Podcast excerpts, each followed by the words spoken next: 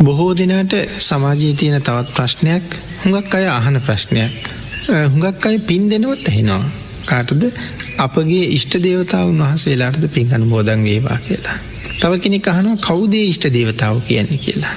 මේකට හොඳ පිළිතුරක් සපයන්ට පුළුවන් අපි බෝසතාණන් වහසගේ චරිතය එකතු කරගෙන. අන්තිම ආත්ම භාවය සම්මා සම්බුද්ධත්වය ලබන ආත්ම භාවය තුසිත කියන දිවියලෝක ඉඳලා උන්වහන්සේ නියමිත කාල එළමුණට පස්සේ පංච මහා විලෝකනය කරලා තමන්ට උපදින්ට සුදුසු අම්මතාත්ත හොයාගෙන සුදුසු වෙලාවට මාතෘ ගර්භයට වැඩම කළා. ධර්මය සඳහන් කරනවා බෝසතාණන් වහන්සේ දෙව්ලවින් චුත වෙලා මාතෘ ගර්භයට වැඩම කරනවත් එක්කම මේ කරුණු සඳහන් කරන්න ආශ්චර්ය අත්භූත ධර්ම සූත්‍රී. අත්භූත කියල කෙනෙ පෙර නොවූ විරූ තරම් දෙයක් පෙර කවදාවත් වෙලා නෑ ආං එවන් ධර්ම එවන් කාරණා රාශියක් අන්තර්ගත සූත්‍රයක් තමයි ආශ්චර්ය අත්භූත ධර්ම සූත්‍රයේ මජ්්‍යමනිකායි. එතන සඳහන් කරනවා බෝසත් මව තමන්ගේ පුතා කුසින් දරාගන්නවත් එක්කම නැත්තං බෝසතාණන් වහන්සේ මාතෘ ගර්භයට වැඩම කරනවත් එක්කම. අපේ මේ සක්වලේ ඉන්න සතරවරං දෙවිවරු හතර දෙනා. මහාමායා දේවින් වහන්සගේ කුටිය ඇතුළට වඩිනවා. ඒ වඩින්නේ බෝසත් කුමාරයාගේ ආරක්ෂාවට. එතකට බෝසතාණන් වහන්සේගේ පුුණ්්‍ය මහිමේ මොනතරන් ප්‍රබලද. සතරවරං දෙවුරු කියලකෙන මහා විශාල බලපරක්‍රමයක් තියෙනයි. ධර්මය සඳහන් කරනවා එක දෙවි කෙනෙක් යටතේ පාලනය වෙන පිරිස කෝටි ලක්ස හතරක් කියලා. එතකට කෝටි ලක්ස හතරක අධිපතිය තමයි මේක රජෙ. එතකොට කෝටි ලක්ස හතරගාන කෝටි ලක්ස දාසේක අධිපතියු හතර දෙනෙ. තමයි මහාමායා දේවින් වහන්සේගේ කුටිය ඇතුළේ. මේ වෙලා ඉන්නේ ආරක්ෂකව හැටියට. මේ දෙවිවරු කියල මහාමාය දෙවින් වහස ඒගොලන්ට කරු කරන්න යන්නෑ ඒගොල්ල සාමාන්‍ය සේවකයෝවාගේ කුටිය ඇතුළ ඉන්නවා. බෝසතාණන් වහන්සේ අනන්තානුභාවෙන් මහාමාය දෙවින් වහන්සේ තමගේ කටයුතු කරගෙන ඉන්නවා. මේ අයි කුටිය ඇතුළේ ඉන්න බව මහාමාය දෙවින් වහන්සේට තමන්ගේ ඇස් දෙකෙන්ම පේනවා.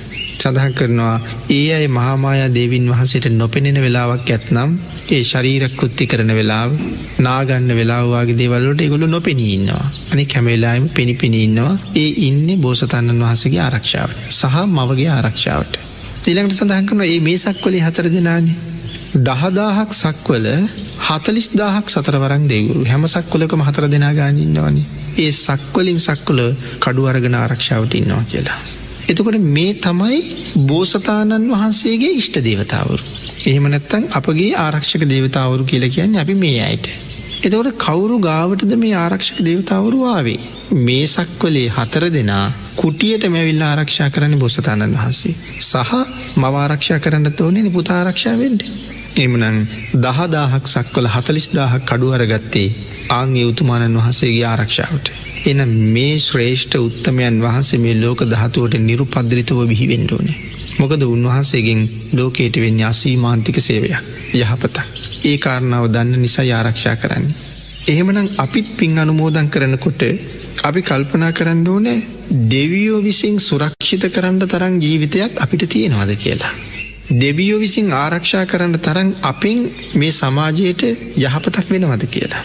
අපි ගාව සමාජයේ සුවපත් කරවන ගුණධර්ම තියෙනවාද කියලා. ඒමුණොත් අපිට ඉෂ්ට දේවතාවරු ඉන්නවා කියලා හිතන්න පුළුවන්.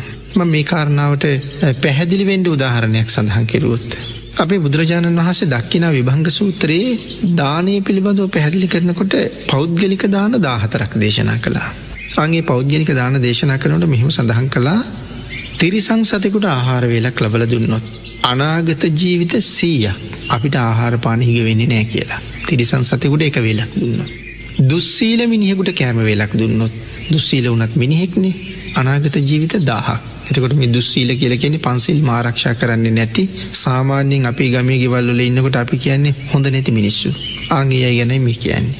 තිසරනත් නෑ පන්සිලුත් නෑ. එතකොට පෘතජ්ජන සීලවන්ත සාමාන්‍ය පෘතජ්ජන කියන අපිටන එතකොට අපි කියනවා මේ හොඳ මිනිස්සු කියල ජාතියක් ගැන ගම ඉන්නකොට මේ හොඳ මනුස්සෙක් හැබැයි ඒගොල්ලු හොඳ අපිට ඒගොල්ලු හරියටම සිල්ලාරක්ෂා කරන්න හරියටම තෙරුවන් සරණ ගිහිල්ලනෑ අපිට හොඳයි හැබැ ආර්යන් වහන්සේලට ඒගොල්ලොත් දුස්සීලයි. ආගේහින්ද අපිට හොඳ හින්ද තමයි පෘතජ්ජන සීලවන්තකයන්.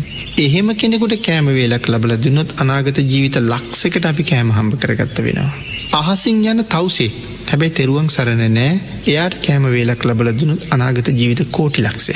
ආං ඊලකට භාග්‍යතුන් වහස සඳහන් කරනවා මේ සම්මා සම්බුද්ධ ශාසනයේ පටන්ගන්නම තැන ඉන්න කෙනා. තෙරුවන් සරණ ගිහිල්ල පන්සිල් රකින කෙනා. ආං එයාට කෑම වේලක් දෙන්න පුළුවන්ගුණොත් අනාගත ජීවිත අසංකේයක ආනිසංස ලැබෙනවා. පන්සිල් නැහැ අහසින් යන තවසකුට කෑමවෙලක් දුන්නොත් අනාගත ජීවිත කෝටි ලක්ෂයයි තෙරුවන් සරණ ගිහිල්ල පන්සිල් ආරක්ෂා කරන මිනිහෙකුට කෑමවෙලක් දුන්නොත් අනාගත ජීවිත අසංකීයකට අපි කෑම හම්බ කලා වෙනවා. එතකොට කල්පනා කරලා බැලුවොත්න් තෙරුවන් සරණ ගිහිල්ල හරියටම පන්සිල් ආරක්ෂා කරන කෙනෙක්. යම් හේතුවකින් යම් ගෙදරකින් වතුර වීදුරුවක් ඉල්ලගත්තුත් එයට වතුර වීදුරුවක් දුන්න කෙනට කොච්චර පින් සිද්ධ වෙනවාද. පාරයනෝ දැකලා අඩගහ කෑම වේලක් දුන්නොත් ඒ දුන්න අයට කොච්චර පින් සිද්ධ වෙනවාද. වෙසක් පොසුන් ඇසලවාගේ කාලවලට අපි රටේ හැම්ම තැනම දන්සැල් දෙනවා. ආංගේ දන්සැලක් ගාවට තෙරුවන් සරණ ගිහිල්ල පන්සිල් ආරක්ෂා කරන කෙනෙක් ඇවිල්ල එක බත් පාර්සලයක් ඉල්ලක එතනින් කාලගියොත්. දන්සැල දුන්නායට අනාගත ජීවිත අසංකයකට කෑම හම්ප කරගත්ත වෙනවා.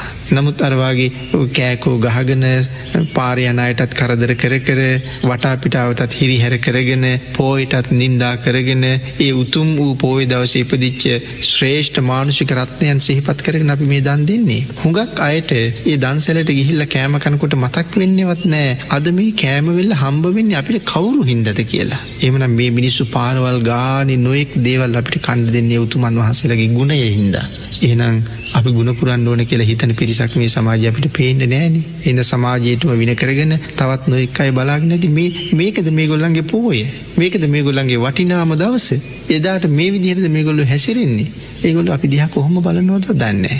අපි මේ මහා උත්තමයන් වහන්සේලට මොනතරම් නින්දා කරනවද කියලවත් තේරෙන්නේ. ඒ නිසා කොයි තරම් පෞරැස් කරගන්නවද තේරෙන්නේ. නමුත් සඳහන් කළේ මම මේ පන්සෙල් රකින උත්තමයකුට දංවේලක් දීලා ඉච්චරානිසංස ලැබුවන මේ ශාසනය ඉහලට ඉහලට යන කෙනෙකුට ආහාර වේලක් ලබල දුන්නහම කොයි තරන් දේවල් ලැබෙනවාද. එතකොට මේ පන්සිල් රකින කෙනා නිසා අනික් අයට යහපතක් වෙන හින්දා ආන් එහෙම අය රකින්ඩ දෙවිවරු ඉදිරිපත් වෙන මොකද මොහු රැකලා තිබ්බහම සමාජයට වෙන්න ලොකු යහපතක්. ආං ඒ අය ගාව ඉෂ්ට දේවතාව ඉන්නවා කියලා අපට සඳහන් කරන්න පුළුවන් බොහෝ වෙලාවට. එතකොට ඒ අය අතනුත් හිටිගමන් වැරදක් වෙන්න බැරිද පුළුවන් පෘතත් ජන භාවය නිසා. හැබැයි එක වරදත් දෙකක් වුණා කියලා උන්වහන්සේලා ගොලො දාලා යන ස්වභාවයක් නෑ. මොකද උන්වහන්සේලා අපිට වඩා ඉදිරිිය පේන නිසා අද පොඩි පොඩි වරදක් වුණාට ඉදිරියට මේ අයි ගොඩාක් සිල්වත් වෙලා සමාජයට ගොඩාක් වටිනාය බවට පත්වෙන නිසා ඒගොලු රැකගෙනන්නවා. අහන් කෙනෙකුට ඉෂ්ට දේවතාව කෙන්නේ ඒ පුද්ජලයගේ වටිනාක මේ හැටියට.